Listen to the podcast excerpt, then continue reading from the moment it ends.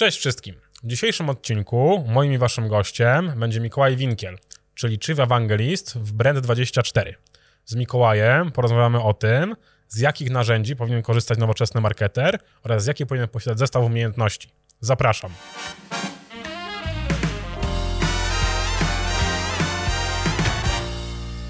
Cześć Mikołaj, strasznie cię cieszę, że, że jesteś w naszym studio. Czekaliśmy za twoją wizytą już sporo czasu, myśleliśmy już w pierwszym sezonie, żebyś się tutaj pojawił.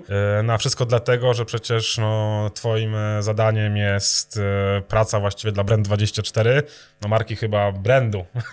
Nie trzeba nikomu przedstawiać. No, wy zajmujecie się monitorowaniem właściwie widoczności brandów, ale nie tylko, z tego co się już dzisiaj zdążyłem dowiedzieć. Staracie się gdzieś narzędzie rozwijać. No ja chciałem pogadać z tobą przede wszystkim dlatego, że ty masz duże doświadczenie w pozyskiwaniu danych, zbieraniu danych, analizowaniu ich, zbieraniu do kupy i pokazywaniu tak naprawdę gotowych wyników, gotowych analiz. No a SEO w dzisiejszym czasie, e, który jest częścią marketingu internetowego, o którym sobie będziemy rozmawiać, no opiera się przede wszystkim na danych. E, właściwie no każda chyba teraz agencja, każdy specjalista ma gdzieś pisane data driven, tak? Data driven, mhm. so data driven. Jest to bardzo popularny temat, no ale kiedyś tak nie było. No bo przecież na samym początku gdzieś, jak ja chociażby zaczynałem, narzędzi było bardzo mało, wszystko trzeba było skrypować samemu, samemu pisać skrypty, e, no kombinować, łączyć te dane. No teraz właściwie płacisz abonament, dostajesz dane, które potrzebujesz. Cześć, w ogóle bardzo, bardzo się cieszę z tego zaproszenia. E, jeżeli chodzi w ogóle o to, że to jest drugi sezon, to hmm. mam wrażenie, że jest dużo seriali, które od drugiego sezonu są coraz lepsze, także... Zwłaszcza jak się wprowadza nową kluczową postać. Tak, zwłaszcza jak się wprowadza nową kluczową postać, którą najlepiej pod koniec e, sezonu ukatrupić. E, ale, mm, ale tak, e, pełna zgoda z tym, co, co powiedziałeś na początku. Jak ja zaczynałem swoją przygodę z marketingiem, te 14 lat temu, to takich narzędzi, które ułatwiają pracę marketera, było niewiele, albo były strasznie drogie, albo były słabej jakości, bo to mhm. też jakby siłą rzeczy. I e, od tego czasu, bo w samym brandzie, jako brandzie pracuję od 10 lat, czyli od samego początku, od tego, od tego czasu bardzo dużo się zmieniło, bo marketerzy zaczęli się powoli zamieniać w analityków. Zaczęli mm, e, nie tylko czekać na jakieś gotowe wnioski, które dostaną od kogoś, ale też sami próbować wyciągać takie wnioski właśnie na przykład z e, takich narzędzi jak nie wiem, chociażby Google Analytics, bo wyobraź sobie, żeby, że ja czasem potrafię rozmawiać z ludźmi, którzy do dzisiaj nie wiedzą, co to jest Google Analytics. E, także, e, także no, no bywają, bywają takie rzeczy. W związku z tym, w momencie, kiedy Pojawia się na rynku coraz więcej takich narzędzi, które ułatwiają mm, interpretację danych i dają możliwość dotarcia do tych danych bardzo szybko, no to jakby to ułatwia pracę, a, jakby finalnie pozwala lepiej dotrzeć do klientów. Mhm. No to co mówisz ma dużo gdzieś przełożone też chyba na rynek pracownika, e, mi się wydaje, no bo widać to chociażby nawet po zatrudnieniach, które my robimy w agencji, ale też pewnie inne agencje, że jest coraz więcej ludzi się pojawia niekoniecznie po kierunkach technicznych, ale też jest wielu ludzi po kierunkach e, humanistycznych, gdzie faktycznie bardziej chodzi o e, umiejętność wykorzystania tych danych, przekucia je na, na, konkretne gdzieś tam działania nie tylko pod kątem modyfikacji kodu, no ale przede wszystkim gdzieś tam optymalizacji treści, no bo ten content jest king, wiadomo, e, i tak dalej, ale jakie właściwie według Ciebie, no bo doświadczenie masz bardzo duże, e, taki e-commerce manager, specjalista, marketer, no bo dziś to o komersach e, głównie mówimy, powinien w ogóle starać się uzyskiwać? Jakie dane powinien spróbować wyciągać?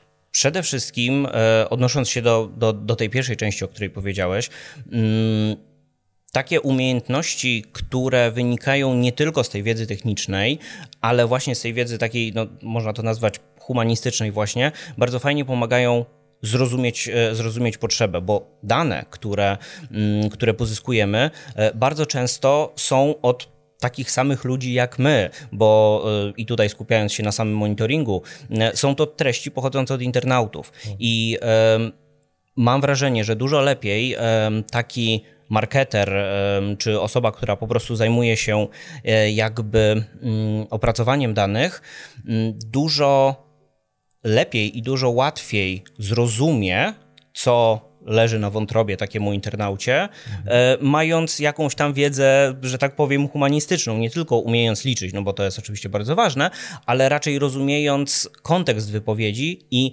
konkretną potrzebę. I mam wrażenie, że to jest e, jedna z takich e, w tej chwili um, kluczowych um, funkcji, możliwości, um, opcji, którą powinien mieć taki marketer, mhm. żeby rozumieć to, co czyta. To może, może zabrzmieć głupio, mhm. ale to czytanie ze zrozumieniem, które, mhm. które wbijamy do głowy e, młodym ludziom jest mega ważne, bo to właśnie zrozumienie daje nam potem możliwość przebudowy czy samej strategii, czy chociażby e, jakiegoś tam, no właśnie zrozumienia tego klienta i jego konkretnych, konkretnych potrzeb. A dzięki zrozumieniu tych potrzeb jesteśmy w stanie, no chociażby przekształcić swoją strategię pod kątem po prostu tego, czego oczekują e, nasi klienci. Mhm. Bo tutaj też trzeba, mi się wydaje, te dane e, mocno e, połączyć, no bo z jednej strony to jest monitorowanie własnej marki, własnego brandu, tego, co dzieje się u nas, no ale chociażby takie narzędzia no monitoringu jak wasze, no ono daje też możliwość monitorowania tego, co się dzieje u konkurencji. I wydaje mi się, że też jest bardzo fajna taka mocna wiedza, no bo jeżeli na, na przykład chciałbym wejść na rynek z jakimś produktem e, w niszę, która już gdzieś jest zagospodarowana w jakiś sposób, no to muszę znaleźć wyróżniki do tego. E, nie ma opcji, żebym po prostu wszedł i znowu mogę walczyć na ceny, tak? Wszyscy walczą na ceny, w końcu za darmo będą dostawali te rzeczy. Także no to nie jest gdzieś tam najlepszy kierunek, tym bardziej, że ta cena no, gra dużą rolę, ale mam wrażenie, że jest chyba coraz mniejszą. Już bardziej możliwości dostawy, przesyłek i tak dalej się, się liczą. No ale jeżeli ja bym chciał wejść powiedzmy na rynek e, gdzieś tam, nie wiem, może z częściami rowerowymi albo z rowerami, to wydaje mi się, że zanim bym to w ogóle zrobił, no to odpaliłbym sobie taki monitoring i zobaczył, co ludzie mówią o innych brandach, które będą moją bezpośrednią konkurencją. No bo y, wydaje mi się, że y, w ogóle monitorowanie brandu jest o tyle fajną rzeczą, że w momencie, kiedy dostaję na przykład opinię na Google Moja Firma, y, czy na jakichś shopsach, shopsach, czy gdziekolwiek indziej, no to jest ta najprostsza opcja, no bo ty wiesz, że dostałeś taką opinię, wiesz, co klient chciał, możesz się ustosunkować bez problemu, masz powiadomienie, ale nie ma się co oszukiwać.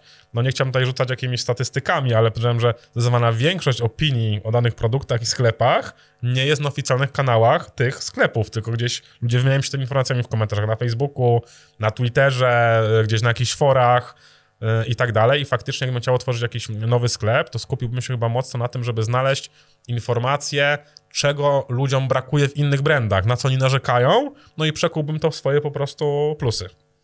Dokładnie tak. E, a ja to jeszcze rozszerzę, bo e, monitoring jako narzędzie służy tak naprawdę do monitorowania dowolnych treści. Mhm. I czy te treści przepraszam, czy te treści dotyczą bezpośrednio konkurencji, czy nas, czy tak naprawdę dowolnej frazy, to mamy możliwość wyciągnięcia z tego jakichś e, informacji. Pociągnę dalej ten temat tych części rowerowych, e, czy sklepu rowerowego, bo jest to świetny przykład, który pokazuje, że z jednej strony możemy ustawić monitoring e, na swoją markę, nie ma sensu, ale możemy ustawić monitoring na jakby konkurencję, żeby zobaczyć, jak wygląda konkurencja, a dodatkowo ustawić też monitoring na samą kategorię produktową, mhm. czyli monitorować nie tylko nazwy marek czy nazwy sklepów, ale też nazwy, które są takimi popularnymi nazwami, na przykład części do rowerów, albo e, kierownica do roweru, albo cokolwiek, co sprzedajemy, czy co chcemy sprzedawać, żeby zobaczyć, mm, jaki jest trend w danym temacie.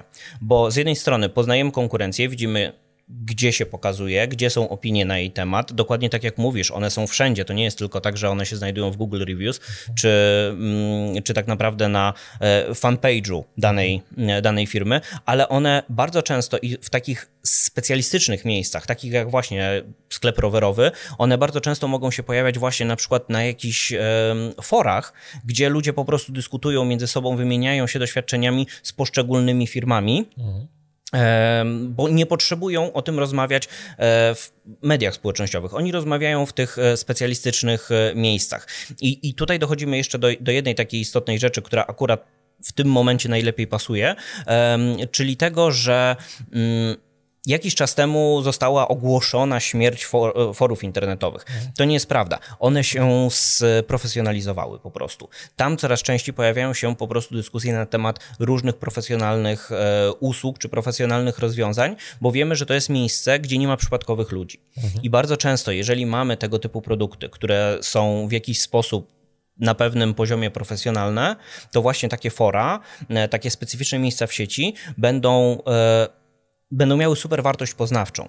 E, dlatego z jednej strony monitorowanie konkurencji, która też tam może się pojawiać, a z drugiej strony jakby monitorowanie samej kategorii produktowej, no żeby właśnie, i tu się znowu powtórzę, żeby, żeby zrozumieć mm, tak naprawdę tą wartość, której oczekują, oczekują klienci. E, I mm, znowu, bardzo często jest tak, że e, ja, jak mówię o czymś takim, to słyszę, e, słyszę w którymś momencie, że e, no tak, ok, ale my nie możemy całej strategii przebudować pod klientów.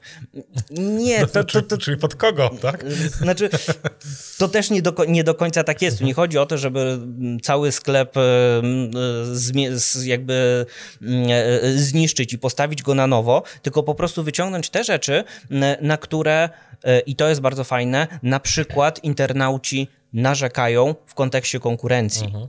I e, nie mówiąc bezpośrednio o tym, że konkurencja jest zła, bo ma coś złego, mhm. E, tylko wprowadzić to dobre do nas, mhm. żeby klienci sami zauważyli, że u nas jest lepiej niż u mhm. konkurencji. No właśnie, bo tutaj dochodzimy znowu do tego elementu, czyli wyciągania wniosków z tych danych, które dostajemy. E, ja się zastanawiam, jak ty byś e, podszedł do takiego tematu, kiedy... Bądźmy przy tych rowerach. E, dobrze się o nich gada, nie wiem, jeździsz na rowerze w ogóle? Jeżdżę. Okej, okay, ja akurat nie, ale, ale, gdzieś tam... Ale widziałeś rower kiedyś? Tak, widziałem rower, często widzę nawet, kilka razy dziennie, także jestem zapoznany z, ze sprzętem. Ale wyobraźmy sobie sytuację, że faktycznie no ja mam sklep internetowy z tymi rowerami, częściami rowerowymi. No chcę być taki full profesjonalnym e-commerce managerem, więc dodaję monitoring wszędzie, moich konkurentów, swój, E, na frazy z tym związane jeszcze i tak dalej. No i faktycznie widzę, że jest jakaś informacja na mój brand, na jakimś tam forum, E, wchodzę oczywiście na to forum, żeby zobaczyć dokładnie, co się dzieje, no i widzę jakąś tam dyskusję, gdzie ktoś poleca jakieś części, e, w tym polecają z części z mojego sklepu, niby jest ok i gdzieś tam e, jedna z osób pisze po prostu, a ten sklep to na przykład coś tam jest do kitu i w ogóle tam nie kupuj, lepiej kup gdzieś indziej. No i teraz nie wiadomo, raz to może być szeptanka konkurencji, no wiadomo, sytuacje mogą tam być bardzo różne, ale jak ty byś zareagował na taką sytuację? Uważasz, że w ogóle powinno się reagować, na przykład napisać, nie, wcale nie jesteśmy oszustami, tak? Z, jakby z profilu y, oficjalnego sklepu, czy faktycznie budować tam jakiś e, zasób w postaci 200 fake kont, które nagle będą to polecały, e, czy w ogóle po prostu nie zwracać na to uwagi, ale zanotować, że okej, okay, ktoś miał taką opinię, trzeba z tym coś zrobić gdzieś e, globalnie. Jak ty byś zareagował w ogóle w takiej sytuacji? No bo dane monitoring wypływa, kurczę, negatywna opinia o twoim brandzie, no i co teraz zrobić właściwie? Ja zawsze wychodzę z założenia, że należy z ludźmi rozmawiać. Mm, I nawet jak są to negatywne, negatywne komentarze, negatywne wzmianki, to należy na nie odpowiadać. E, z jednej strony odpowiadać na nie najszybciej jak się da, z drugiej strony zawsze oficjalnie. Zawsze z poziomu e, przedstawiciela danej firmy, danego e-commerce'u, danego serwisu, e, bo to uczłowiecza markę. E, I dużo dużo łatwiej, to tak z psychologii wychodzi, nie żebym się na tym znał, ale gdzieś po prostu o tym czytałem. E, z psychologii, e, z psychologii wychodzi, że człowiekowi dużo łatwiej jest e, napisać negatywną opinię na temat jakiegoś sklepu, ale w momencie, kiedy ten sklep odpowie i będzie to podpisane Mikołaj ze sklepu takiego i mhm. takiego, to już mu te negatywne emocje trochę opadną, bo mhm. zobaczy, że to nie jest po prostu sklep, tylko to jest człowiek, który siedzi mhm. po drugiej stronie, z którym można porozmawiać. Mhm. I bardzo często jest tak, że y, część negatywnych opinii, które się pojawiają na tak naprawdę różne tematy, y, mogą być związane nie tylko, y, znaczy nie zawsze z tym, że jakiś e-commerce, e-commerce czy jakaś firma robi coś źle, tylko czasem po prostu wynika to z jakiegoś tam niezrozumienia, na przykład praw panujących e, e, w sklepie, niezrozumienia produktu i tak dalej. I bardzo często e, ludzie najpierw piszą negatywną opinię, a potem, jak się przedstawiciel firmy odezwie, i postara się wytłumaczyć, to się okazuje, że a, a, faktycznie coś tutaj było, coś tutaj było nie tak po mojej stronie, więc ten negatywny komentarz w sumie trochę tak niesłusznie się pojawił. Okay. bardzo często też jest tak, że e, znowu to jest taki element psychologiczny, że jeżeli ktoś e, właśnie e, Dlaczego powiedziałem, że warto odpowiadać na takie, na takie komentarze? Otóż dlatego, że e, z znowu punktu widzenia psychologicznego osoba, która napisała negatywny komentarz na nasz temat, raz, poświęciła nam trochę czasu, mhm. dwa, jakby ma w stosunku do nas jakieś emocje. I warto... No lepsza nienawiść od obojętności. Jak tak, I, ale te emocje można właśnie wykorzystać i w momencie, kiedy my taką osobę e, fajnie poprowadzimy, mm, e, wyjaśnimy mu, pomożemy, to może się okazać, że ona z takiego może nie hejtera, bo to jest za mocne słowo, ale z takiej osoby negatywnie nastawionej e, staje się neutralną, a potem nawet zadowolonym klientem, mhm. bo zobaczy, że no, był jakiś fuck up, ale udało nam go się e, bardzo łatwo rozwiązać i klient jest zadowolony i do nas wróci. Mhm. I są takie przykłady, że to w ten sposób, e, w ten sposób działa. Jeszcze jedna rzecz, bo mm, z badania bodajże Trustpilota z 2019 roku wynika, że mm, właściwie to, nie, to było badanie, które zawierało pewien sondaż, e, e, jakby by, byli testowani e, Amerykanie. Cóż, no, u nas się takich badań nie robi. I padło, padło pytanie, co jest takim głównym czynnikiem wpływającym na to, że Mm, źle odbieramy markę, czy, czy, czy, czy z tą marką jakoś mamy, e, mamy złe, mm, złe wspomnienia. No i jedną z takich e, głównych, tam było chyba 88% odpowiedzi, to było stwierdzenie, że usuwanie negatywnych komentarzy. Mhm. I znowu Biorąc pod, uwagę, biorąc pod uwagę doświadczenie i to, jak to wygląda obecnie na rynku, ja właśnie wychodzę z założenia, że z jednej strony na negatywne komentarze należy odpowiadać, należy rozmawiać z tymi ludźmi, ponieważ oni nam poświęcili swój czas, mhm. a z drugiej strony e, tak naprawdę usuwać komentarze, które obrażają naszą matkę. Mhm, bo tak. to jest po prostu hejt. Tak. Jeżeli jest to hejt, nie ma żadnego e, tak naprawdę mm, e, żadnej konstruktywnej krytyki w tym nie ma, to to nie ma sensu. Tak, ani informacji, co w ogóle było nie tak. tak. Na przykład najgorsze są sytuacje, kiedy napisze, a bo ta firma jest głupia, tak, ale z jakiego powodu, co się wydarzyło w ogóle tam. Dokładnie. E, I tak dalej, bo też mm, fajne jest to, co mówi, że jeśli tą psychologię, że łatwo jest hejtować markę albo produkt, gorzej człowieka. No on powiedział, no, bo e, brand właśnie jest głupi, tak? No każdy może to napisać, on powiedział, Mikołaj jest głupi, no to już mamy ten... To jest trochę inaczej. To już jest taki ten problem, bo kurczę, znam ciebie, e, napisałem publicznie, że on jest głupi. To jest takie, robi się już takie dziwne, no chciałbym się z tego raczej wycofać mhm. i sam pewnie gdybyś odpowiedział na taki komentarz, chętnie bym szedł tę polemikę, żeby samemu wyjść z twarzą finalnie z tego, żeby nie było tej sytuacji, że to ja gdzieś tam zogniskowałem konflikt całkowicie. Mm, okej, okay, ale e, rozmawiamy bardzo dużo o brandach, e, bo właściwie dążę do jednego dość istotnego, e, do jednej dość istotnej kwestii, no bo w końcu jesteśmy Zapytaj o SEO, więc o SEO też musimy trochę powiedzieć. E, bardzo wielu przedsiębiorców, e, zwłaszcza no, e-commerce'owych, nie zdaje sobie, mam wrażenie, sprawy, jak bardzo istotnym elementem w marketingu w ogóle, nie tylko w SEO, nie tylko w e, adsach, całym marketingu, marketingu internetowym jest jakby znajomość brandu, jest bardzo istotnym czynnikiem rankingowym, który pozwala i lepiej sprzedawać na adsach, i lepiej robić e, SEO, i lepsze kampanie socialowe prowadzić. No brand jest tą wartością taką, e, no niepoliczalną wręcz mam wrażenie, no e, często, mm, nie wiem czy widziałeś, dużo jest teraz takich filmików na YouTubie, gdzie dzieci z gdzieś tam bogatszych rodzin pokazują w co są ubrane, tak? tak. Gdzieś tam jest typu buty 3000, spodnie 10, koszula 12, wizerunek 7 milionów, nie?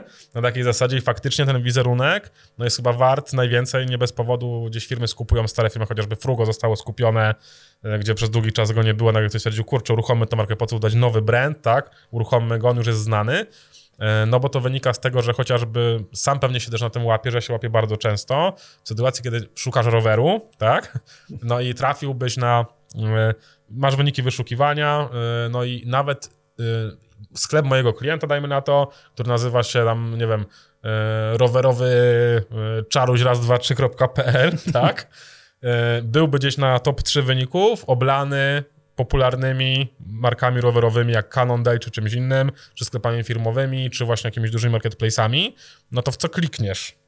No właśnie i tu jest, e, tu jest ta kwestia, że ten mega ważny wizerunek, e, wizerunek każdej marki jest niestety w tej chwili bardzo uzależniony od tego, e, przede wszystkim od źródeł, w których e, pojawiają się, mm, pojawiają się informacje i e, tutaj z rozmów z, z moimi klientami wynika, że cóż, zaraz mnie stąd wyrzucicie, ale bardzo, bardzo często pierwsze 5 czy 6 wyników jest po prostu pomijane.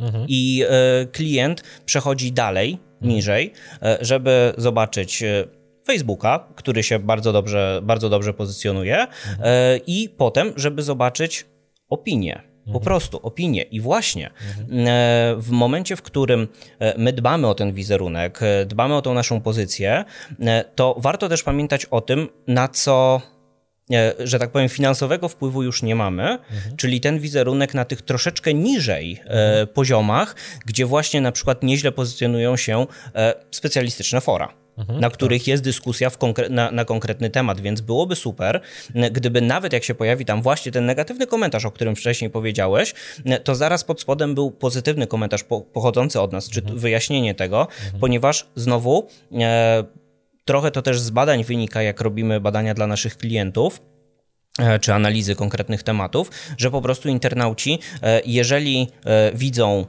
reklamy, które już rozpoznają, bo był taki czas, kiedy w ogóle nie byli w stanie rozpoznać, że to jest reklama. Pierwszy wynik super, najważniejszy.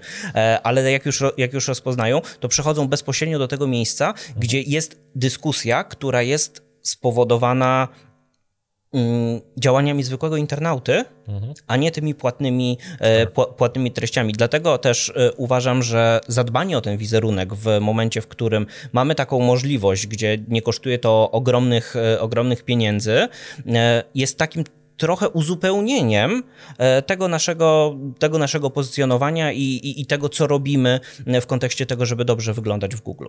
Mhm. To jest prawda. No ciekawa też rzecz, że mówisz o przewinięciach tych wyników wyszukań. E, i faktycznie no jest to dostrzegalne, to wszystko jest zapytania od branży mhm. jeszcze, oczywiście, ale faktycznie dostrzegalne, zwłaszcza mam wrażenie urządzenia mobilne, gdzie śledzę sobie zawsze statystyki naszych klientów. E, no i faktycznie ta CTR-ka e, na mobilkach bardzo różnie się rozkłada. Chyba mam wrażenie, że nie mam zebranych wszystkich danych, ale gdzieś mniej więcej, w zależności jeszcze od telefonu, ten wynik, który przykrywamy kciukiem przewijając, bo on jest zupełnie niewidoczny dla użytkownika, przylatuje tak. gdzieś, gdzieś do góry i znika. No i faktycznie mam nadzieję, że no klienci nie będą teraz wymagali jeszcze cyrklowania, muszę być na ósmej. no wszyscy mają wrażenie, że trudno jest się dostać na pierwszą pozycję, to w trzy, ale tak wycyrklować konkretną pozycję, na której chcieliby być, to będzie chyba...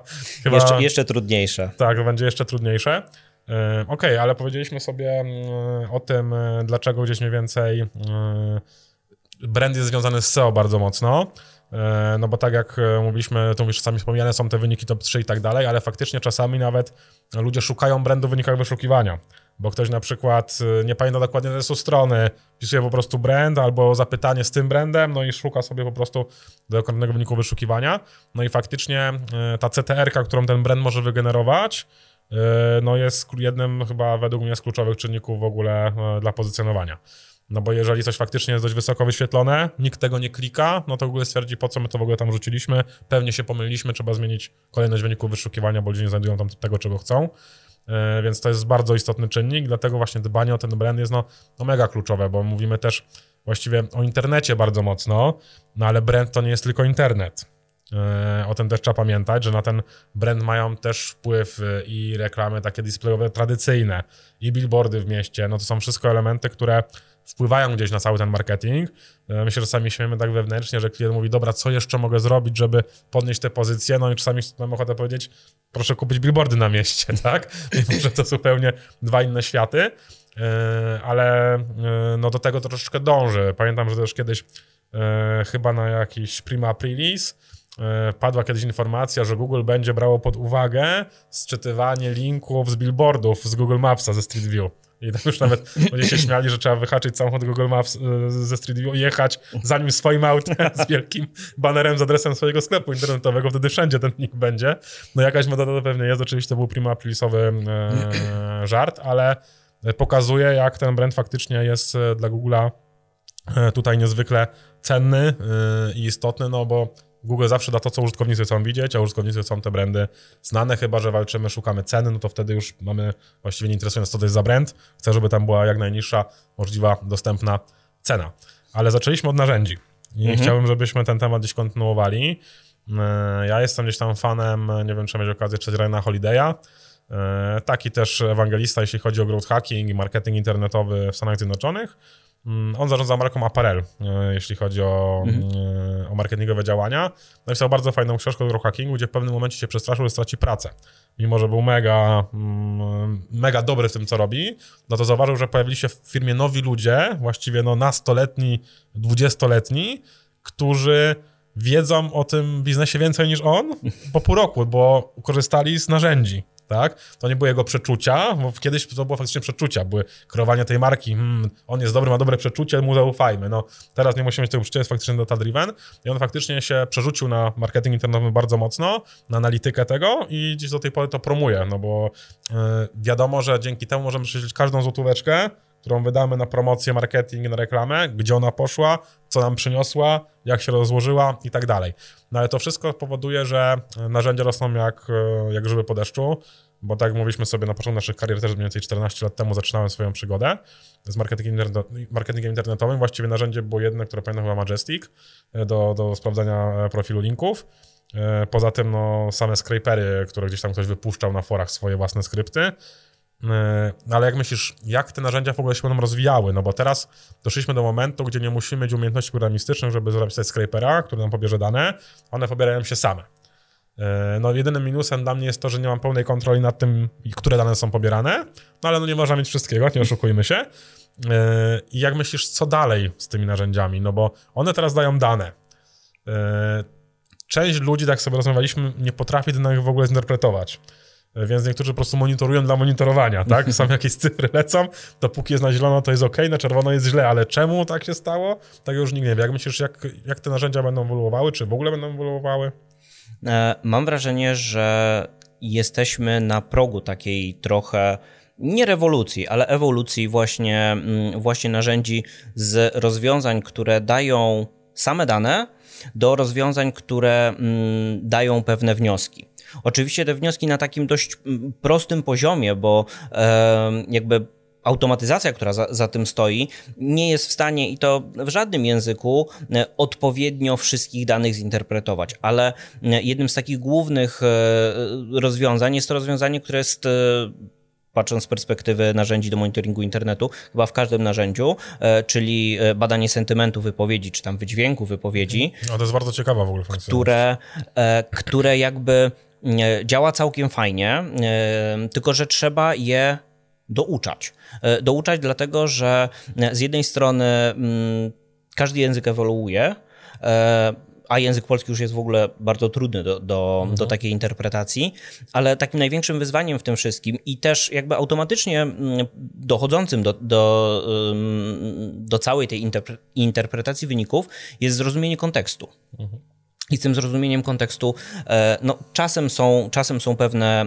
pewne problemy, ale właśnie narzędzia ewoluują właśnie w taki mm, model dawania pewnych wniosków e, i dawania liczb, które są mm, jakby policzalne i takie w pewien sposób e, mm, ustandaryzowane, żeby dało się porównać e, z, na przykład siebie z inną marką mhm. za pomocą tego samego, mm, tego samego wskaźnika. E, w mm, jakby PR-ze, w marketingu funkcjonuje jakby współczynnik AWE, tak, od, od wielu, wielu lat, z którym problemem jest to, że kto by go nie liczył, liczy go w trochę inny sposób. Nie ma jakiejś tam uniwersalnej metody liczenia e, tego współczynnika. Dlatego są potrzebne jakby gotowe rozwiązania, które pokażą jeden, e, jeden współczynnik liczony w taki sam sposób dla każdej, e, mhm. każdej marki, dla każdego brandu, dla każdego tematu tak naprawdę,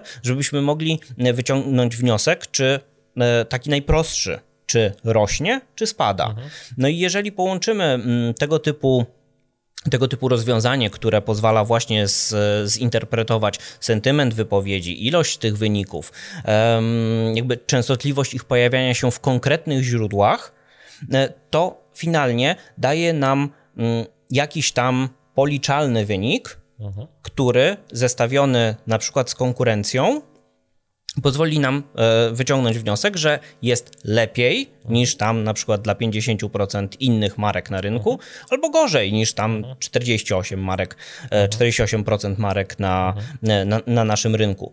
I ta ewolucja właśnie dotyczy raczej tego, żeby poza tym, bo to co powiedziałeś, marketerzy bardzo często nie, nie tyle nie mają umiejętności interpretacji tych danych, co bardzo często nie mają czasu na to, żeby interpretować te dane, ponieważ oni muszą zajmować się też do, dodatkowymi swoimi, a właściwie podstawowymi swoimi rzeczami, a te informacje pochodzące z, z sieci, właśnie z monitoringu czy z innych narzędzi e, są jakby dla nich, e, dla nich dodatkiem. E, fajnie byłoby, żeby było to, żeby to było dla nich główną pracą, mhm. ale niestety nie zawsze tak jest. Mhm. W związku z tym oni potrzebują gotowych wyników albo przynajmniej dość dopracowanych wyników na tyle, żeby nie musieć samodzielnie interpretować tych wyników.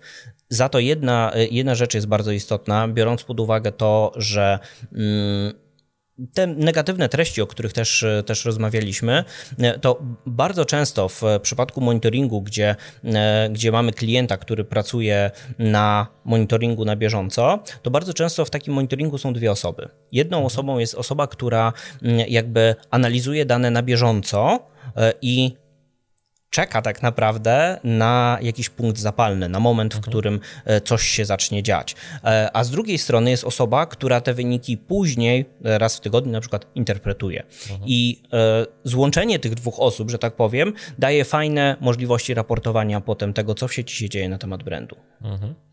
Okej, okay. dużo rzeczy, które chciałbym nawiązać, pojawiło w twojej wypowiedzi, ale może zacznę w ogóle od tego NLP, no, czyli no, procesowania tego naturalnego języka. E, bo tak mówisz, to jest chyba największy problem, e, no zwłaszcza z językiem polskim. Ja tam wielokrotnie wspominałem już o jakichś e, drobnych takich fakapach googlowych typu jak wpisałeś kiedyś grzebień do brody, no to pokazywało ci drogę ze wsi grzebień do wsi brody. E, no ale to w Google się tłumaczyło jednak, no, że faktycznie polski jest jeszcze, nie dość, że język jest trudny, to jeszcze miejscowości nie mają nazw własnych, tylko e, są nazwami przedmiotów, co w ogóle bardzo mocno utrudnia zrozumienie tej intencji użytkownika, co nam chciał pisać, ale Google radzi sobie z tym coraz lepiej. No jestem właśnie też ciekawy tego sentymentu, o którym ty mówisz, bo i po części rozumiem trudność w działaniu algorytmu, który za to odpowiada w narzędziu, E, no bo faktycznie, jeżeli ktoś napisałby e, przekleństwo i nazwę brandu, no to możemy zakładać, że chodzi tutaj o negatywne emocje. No ale u nas przekleństwa bardzo często wyrażają pozytywne emocje, tak? Typu oszkurka, Brand 24, tak? Wszystko zależy od tego, z jakim tonem jeszcze dopowiemy i tak dalej, więc to jest dość E, dość, dość, dość trudne i to rozumiem, ale wydaje mi się, że no, w ogóle wasza praca może być fajnym elementem takim właśnie SEO-owym e, dla zrozumienia tego, w jaki sposób działa, w jaki sposób bada to wyszukiwarka, no bo e, nie ma się co ukrywać, pewnie metod na robienie tego procesu jest dużo, ale no finalnie sprowadzamy się do pewnie jednego gdzieś tam schematu, czy, czy kilku schematów, a taka wiedza naprawdę też byłaby niesamowicie cenna dla, dla wszystkich specjalistów SEO, E, no bo jednak mamy chociażby tego Berta, który dwukierunkowo bada kontekstowość zapytania. E, podejrzewam, no, że Brand musi działać, Brand właśnie musi działać w podobny sposób, pewnie nie aż tak zaawansowanych wyszukiwarka Google, chociaż mogę się mylić. E, nigdy, nigdy nie wiadomo. Ja zawsze mówię, że no wszyscy mówią, że Google to nie olbrzymia wielka firma, zatrudnia setki specjalistów na całym świecie, no ale Brandosa zatrudnia tysiące ludzi na całym świecie, jest nas więcej niż Googlersów, więc teoretycznie powinniśmy mieć tą przewagę jakąś nad nimi, wystarczy połączyć siły. Okej, okay, ale wspomniałeś jeszcze o tym, że mówiliśmy o analizie danych, wspomniałeś, że jest jeden analityk, który właściwie no, powinien na bieżąco patrzeć, co się dzieje, drugi powinien zbierać te wnioski, robić jakieś podsumowania, potem no, pewnie zalecenia, wdrożenia jakichś zmian, żeby fakapy się, się nie wydarzyły znowu w taki sam sposób jak wcześniej. Mm, no i mówimy tutaj właściwie o zwiększaniu zespołu, tak? Bo mieliśmy jednego e-commerce managera, tak? Przeszliśmy do e-commerce managera analityka, teraz mamy dwóch analityków w całym tym zestawieniu. Y, I tutaj mam taki troszeczkę, y, nie do końca potrafię się odnaleźć, bo ja mam wrażenie, y, że narzędzia w dużej mierze minimalizują jakby zapotrzebowanie na zasoby w firmach, no bo nie potrzeba 15 stażystów, którzy będą przepisali do Excela teraz wszystkie, wszystkie linki z for, gdzie jest wspomniany mój brand, tak, bo robi to narzędzie, więc no gdzieś minimalizujemy to, ale czy myślisz, że faktycznie przyszłość w ogóle marketingu internetowego to jest jeden e-commerce manager i kupa narzędzi, czy faktycznie tam nadal będą potrzebni w bardzo dużej ilości gdzieś tam ludzie i nawet nowi, kolejni, którzy będą mieli te dane e, wdrażać. Jak ty w ogóle widzisz tą, tą przyszłość? Znaczy tak, do Nostradamusa mi dość daleko, mhm. ale e, wydaje mi się, że wszystko będzie tak naprawdę zależało od e, od branży i od konkretnych osób, które do tej branży przyjdą zajmować się tym konkretnym tematem. Bo mm, jakby najlepszym rozwiązaniem byłaby ta jedna osoba, która korzysta z narzędzi, e, które to narzędzia dają gotowe rozwiązanie. E, niestety nie zawsze tak to się da, da zrobić, bo yy, i tutaj wrócę na sekundę do tego, do tego elementu tej interpretacji, chociażby sentymentu wypowiedzi, mhm. że no nie zawsze na ten moment da się to zrobić yy, turbo idealnie. E, a z drugiej strony, e, jakby firmy, mm, które bardzo mocno stawiają na analitykę, e, mamy kilkunastu takich naszy, naszych klientów, którzy mają po prostu dedykowane osoby do obsługi monitoringu i działa to dokładnie w ten sposób, jak poda, podałem mhm. w przykładzie, że jest po prostu człowiek, który siedzi i analizuje, analizuje dane. I to jest spoko, to jest fajne, fajne rozwiązanie, aczkolwiek w kontekście właśnie mm, przyszłości wydaje mi się, że e, będzie to mniej więcej na podobnym poziomie, że jeżeli ktoś będzie chciał mieć więcej informacji, e, dużo więcej dan, dużo więcej, obra, dużo więcej obrobionych danych, mhm. to po prostu i tak będzie potrzebował kogoś po swojej stronie, albo będzie potrzebował kupować gotowe, mm, gotowe raporty. A dla e-commerce managerów, dla osób, które zajmują się jakby w pojedynkę, mhm. narzędzia będą dawały podstawową wiedzę z podstawową interpretacją wyników. I to też będzie ok.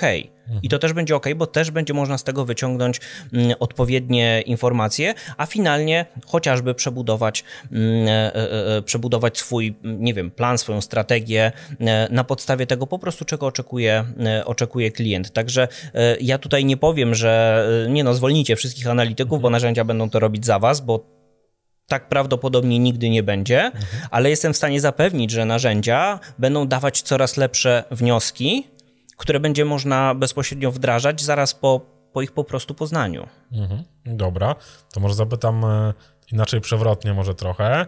Gdybyś miał do wyboru e, do zatrudnienia, masz swój e-commerce, dajmy no to z rowerami, znowu wracamy do tego tematu, e, no i masz teraz zatrudnić e-commerce managera. Wybrałbyś analityka czy marketera? To jest trudne pytanie, bo najchętniej wybrałbym e, ma marketera z analitycznym zacięciem. Mhm. E, Albo dwóch naraz, no ale budżet jest ograniczony, przykro tak. Mikołaj. E, Mamy ograniczony budżet na zatrudnienie. Biorąc pod uwagę, e, dobra, patrzę z perspektywy naszego narzędzia, biorąc pod uwagę mm, to, jak proste stają się narzędzia chociażby do, do, do monitoringu, e, zatrudniłbym menadżera, e-commerce menadżera, osobę od marketingu, e, którą nauczyłbym interpretować dane. Okay. A biorąc pod uwagę to, co obecnie dzieje się chociażby na studiach, e, gdzie studentów uczy się interpretacji danych, na szczęście mhm. zaczęło się uczyć studentów interpretacji danych, nie tylko przepisywania książek, to Myślę, że nie będzie to takie trudne, żeby nauczyć e, kogoś, kto wcześniej nie był analitykiem, e, do tego, żeby interpretować te dane, e, no oczywiście nie na poziomie profesjonalnych analityków, ale na takim poziomie, który pozwoli wyciągnąć fajne wnioski i pozwoli rozwinąć biznes. Mm, okej. Okay. Chciałem powoli dążyć do końca, ale jeszcze jedna rzecz, która mnie nurtuje strasznie i nie mogę sobie gdzieś podarować, żeby nie zadać tego pytania. No, ty wykładasz faktycznie na AGH no i jest to data scraping, tak? Możemy gdzieś tak to określić. E, mówisz też dużo o tej interpretacji danych. Mm, no jestem ciekawy bardzo tego. Powiedz mi, jak w ogóle wygląda to nowe pokolenie marketerów i analityków, bo wiesz, my tak troszeczkę wyrośliśmy z własnej wiedzy, nie ma się co szykować, nie było jakichś takich źródeł ogólnodostępnych, tym bardziej kierunków na uczelniach. E, gdzieś tam kursy to się pojawiły dopiero w ogóle, jak pierwsi pojawili się tak zwani gdzieś tam e, celebryci, osoby znane w branży, które zrobiły dużo fajnych realizacji, którymi się pochwaliły, no i gdzieś tam wiedza mogły się podzielić. Teraz ta wiedza faktycznie jest już taka ogólnodostępna, no tu w Poznaniu mamy chociażby kierunek w ogóle media e, workingowy, gdzie faktycznie SEO jest jednym z przedmiotów wykładanych, no ty tutaj prowadzisz analizę danych, pozyskiwanie tych danych. Jak ty w ogóle mm, postrzegasz tych ludzi kontra ty 14 lat temu, jak zaczynałeś?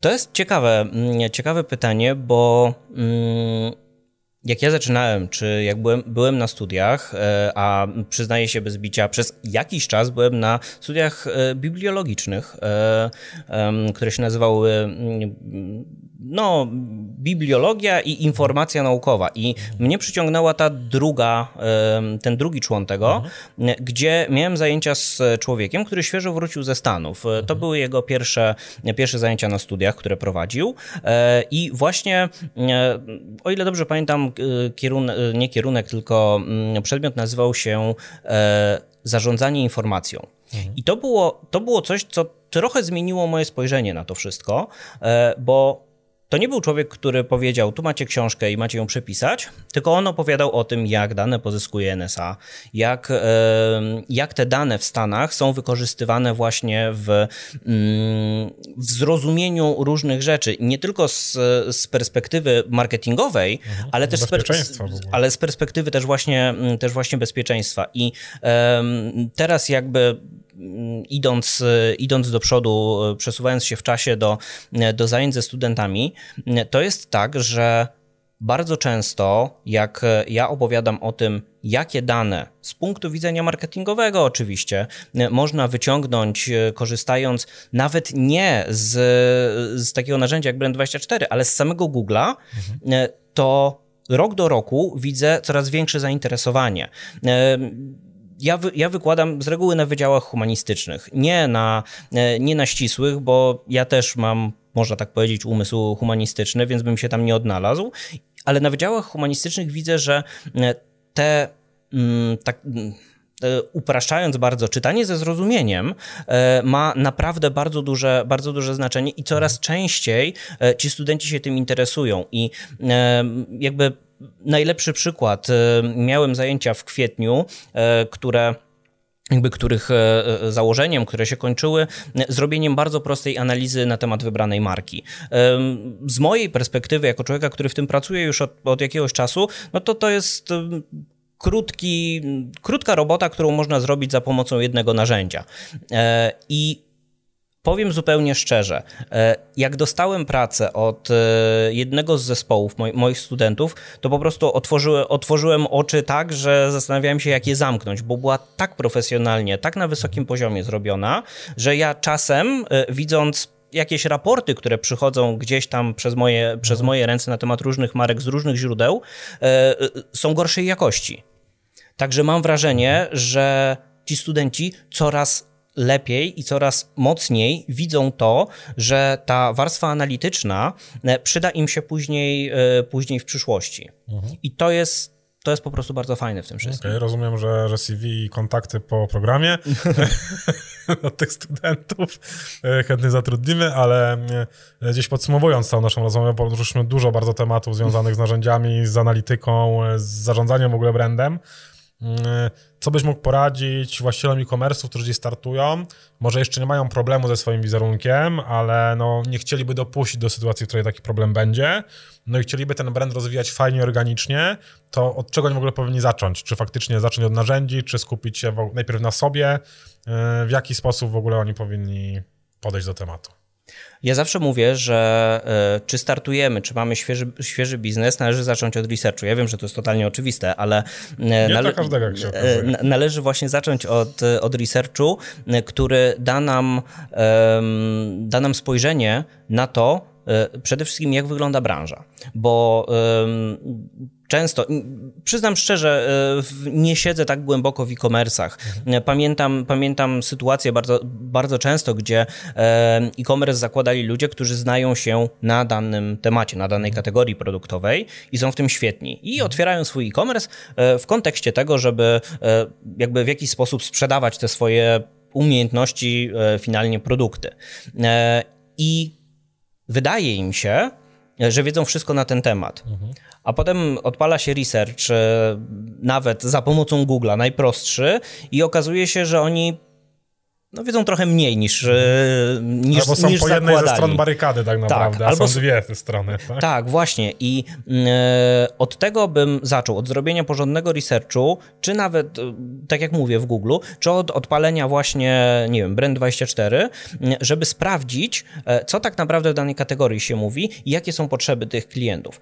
Potem wykorzystać dokładnie te same narzędzia, te dwa najprostsze, czyli albo NAS, albo, e, albo po prostu narzędzie Google'owe, po to, żeby zrozumieć, jak wygląda konkurencja i to, o czym mówiliśmy wcześniej, na, na początku tak naprawdę, żeby. Mm, wykorzystać błędy konkurencji do tego, żeby samodzielnie nie, nie popełnić tych błędów. Mhm. Czyli po prostu nauczyć się na błędach, e, na błędach innych. I y, mam wrażenie i z rozmów z naszymi klientami też, e, też, też to wychodzi, że zainwestowanie tych, nie wiem, 300 czy tam 500 zł miesięcznie bardzo szybko się zwraca. Po prostu. Bo Czasem jest tak, że klient, że klient mówi, no ale, ale, ale nas nie stać, e, nie stać na to i potem przez pół roku próbuje rozwinąć swój, e, swój biznes, nie trafiając bezpośrednio do, e, do klientów, bo on nie wie, gdzie ci klienci są. są. Tak, tak. No i przepalanie budżetu następuje i tak naprawdę... Dokładnie tak.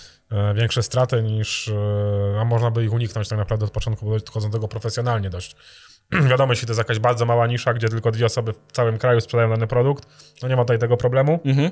Ale nie oszukujmy się, takich nisz już chyba za bardzo nie ma. Jeśli są, to bardzo szybko się zapełniają e, kolejnymi, e, kolejnymi sklepami. E, okej, okay, Mikołaj, dzięki Ci wielkie, że podzieliłeś się z nami, na, z nami swoją wiedzą. Jeżeli Wy macie jakieś pytania jeszcze do Mikołaja, a myślę, że po tym tej rozmowie może się pojawić tego sporo, no to dawajcie znać w komentarzach, piszcie też privy. Myślę, że no Mikołaj jeszcze dałby się kiedyś E, przekonać przy okazji, jak będzie w Poznaniu, żeby do nas wpadł i szczątkowe rzeczy odpowiedział. Mm, no cóż, ja Ci dziękuję bardzo. A co możemy życzyć naszym e, słuchaczom i widzom? No chyba tego, żeby monitorowali, tak? E, najprościej rzecz ujmując. Dokładnie tak. Ja zawsze powtarzam, idźcie i monitorujcie. idźcie, idźcie i monitorujcie, tak jest. Dzięki, no tym jeszcze stwierdzeniem zakończymy odcinek. Dzięki wielkie. Dziękuję bardzo. Cześć wszystkim, do zobaczenia. Cześć.